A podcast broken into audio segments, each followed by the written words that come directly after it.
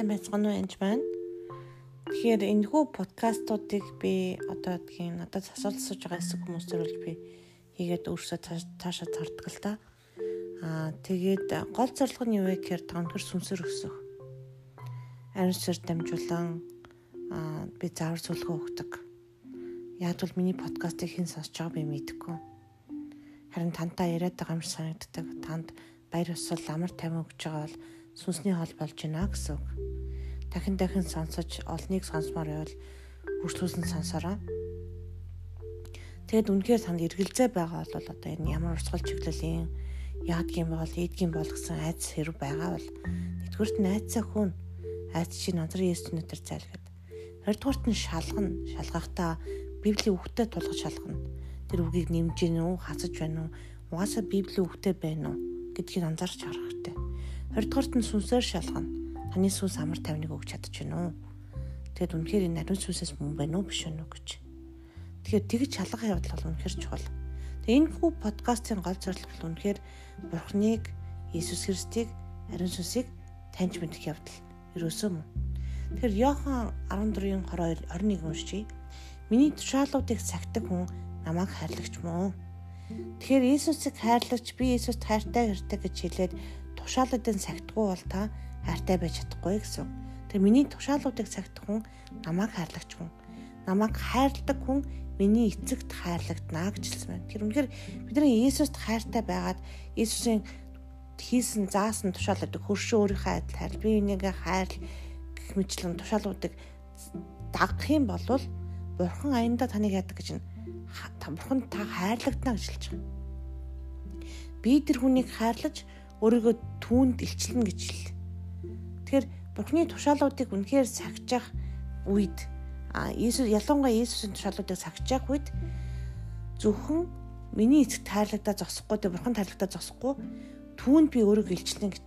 Иесус өөрөө тэр хүмүүст өөрийгөө нь илчилдэг байх нэ. Яагаад гэвэл Бурхан өөрөө л илчилж өгөхөөс нааш бид нар заримдаа тэр зүйлийг мэддэггүй байх. Тийм болохоор маш их хайж унших явдал чухал байна Тэгэхээр эзэн яг Библийн үгийг шимтэж уншихаас гадна бас өөрөө судалж унших хэрэгтэй. Тус тус нөө эн чинь тэнгэрлэгчийн судлыг бол тэнгэрлэгчээс өөрөө Библиэлд ямар ямар тэнгэрлэгчийн тухай гарсан байна. Хүүхэн ингэж ингэсэн утгатай байдгийн бэ шүү дээ гэж уншина гэсэн. Иесус ямар ямар тушаал өгсөн. Иесусийн тушаалуудыг би юуг нь биелүүлээд юуг нь биелүүлэхгүй байна. Энийг биелүүлэхийн тулд надад хүч өгөөч эзэн минь. Танад энэ тушаалыг чи хийж чадахгүй надад хүч өгөөч. Жишээл санаа бүү зав гэсэн тушаал байна эзэн дотор бүрэн итгэх итгэжээ санаа бүү зовдөг. Санаа зовдөггүй байгаа. Энэ чи яаж ийх вэ? Гэт эзнээс асуух хэрэгтэй. Тэгэх явдал бол үнэхээр чухал. Тэгэхгүй бол бид нар өмнө хийж чадахгүй болно. Нэр бурхантай биш бол яаж хийх вүлээ бид нар? Та Ром 5-ын 5-ыг уншия. Найдвар нуран монголдөггүй. Учир нь бидэнд өгөгдсөн ариун сүнсээр дамжуулан Бурхны хайр бидний зүрхэнд тутагдсан байдаг.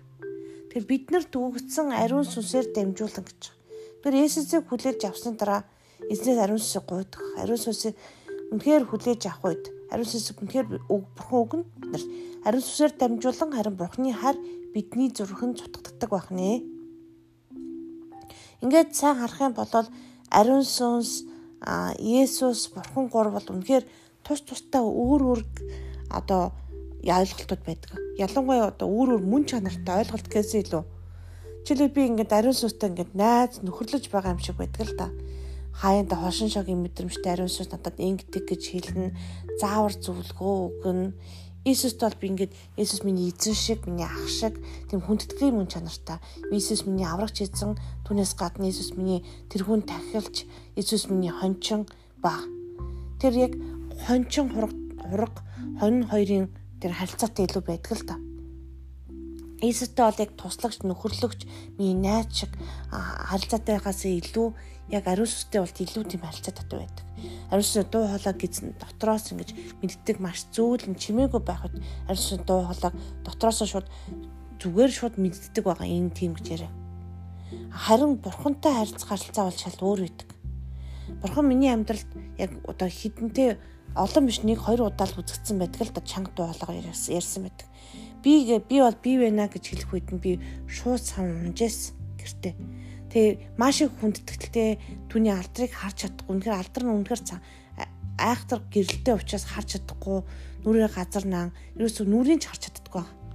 Тий тэгээд үнэхээр мосыг хилдэг ч ард түмэн мосоо чийл энэ бурхантайгаа бол бид нар чадахгүй мэн гэж хэлдэг. Түүнтэй адилхан маш их тийм гимшиг тэрнээс гадна ариун бус юм шиг санагдах эзнес бүр маш их имийг сэтгэл төрдөг баг.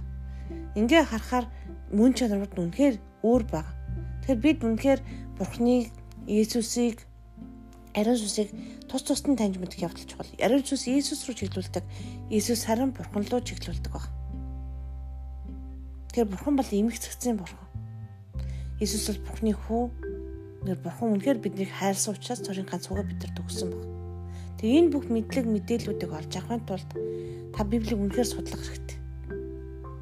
Имийг ялгахдаа одоо өөртөө бас ялгах чадвартай болох хэрэгтэй. Аяндаа ингээд сүнсээр өсгөр ялгах чадвартай болдог. Гэтэ хүмүүсээс асууж болно энэ мөн энэ чинь гажуу мөн үү энэ чинь ямар хүн бэ гэж би ч гэсэн ганц хоёр удаа судалж байсан юм асуудаг. Гэхдээ ихэнхдээ л сонсож үзэл шууд мөн бишин шууд ялгадаг. Гэтэ үнэхээр ялгадаг боломжгүй хүмүүс байдаг л да. Тэр тохиолдолд өөр 2 3 бичлэг үзэх юм уу? Эсвэл ариусаас асуудаг. Тэнгүүд энэ ном зүгээрээ энэ хүн бол биш. Энийг битээ судаараа гэдэг бол ариусаа шууд л хэлдэг. Сонсож үзэнгүүт ариун сүсээс биш байх юм бол үнэхээр бол сонсох боломжгүй юмнууд ч байдаг. Сүнс чинь эсэргүүцэж байгаа болвол одоо ер нь л биш байна гэсэн. Тийм учраас та Библиэтэйгээ сайн тулгана. Үгийг гажуудуулж болохгүй. Дээрэс нь бас дээрэс нь бас үнэхээр ариун сүсээс асууж шалгаараа. Тэгээд үнэхээр та үгийг өөрөө бас судлаарай гэж чинсгэлээсээ хүсэж байна. Баярлалаа.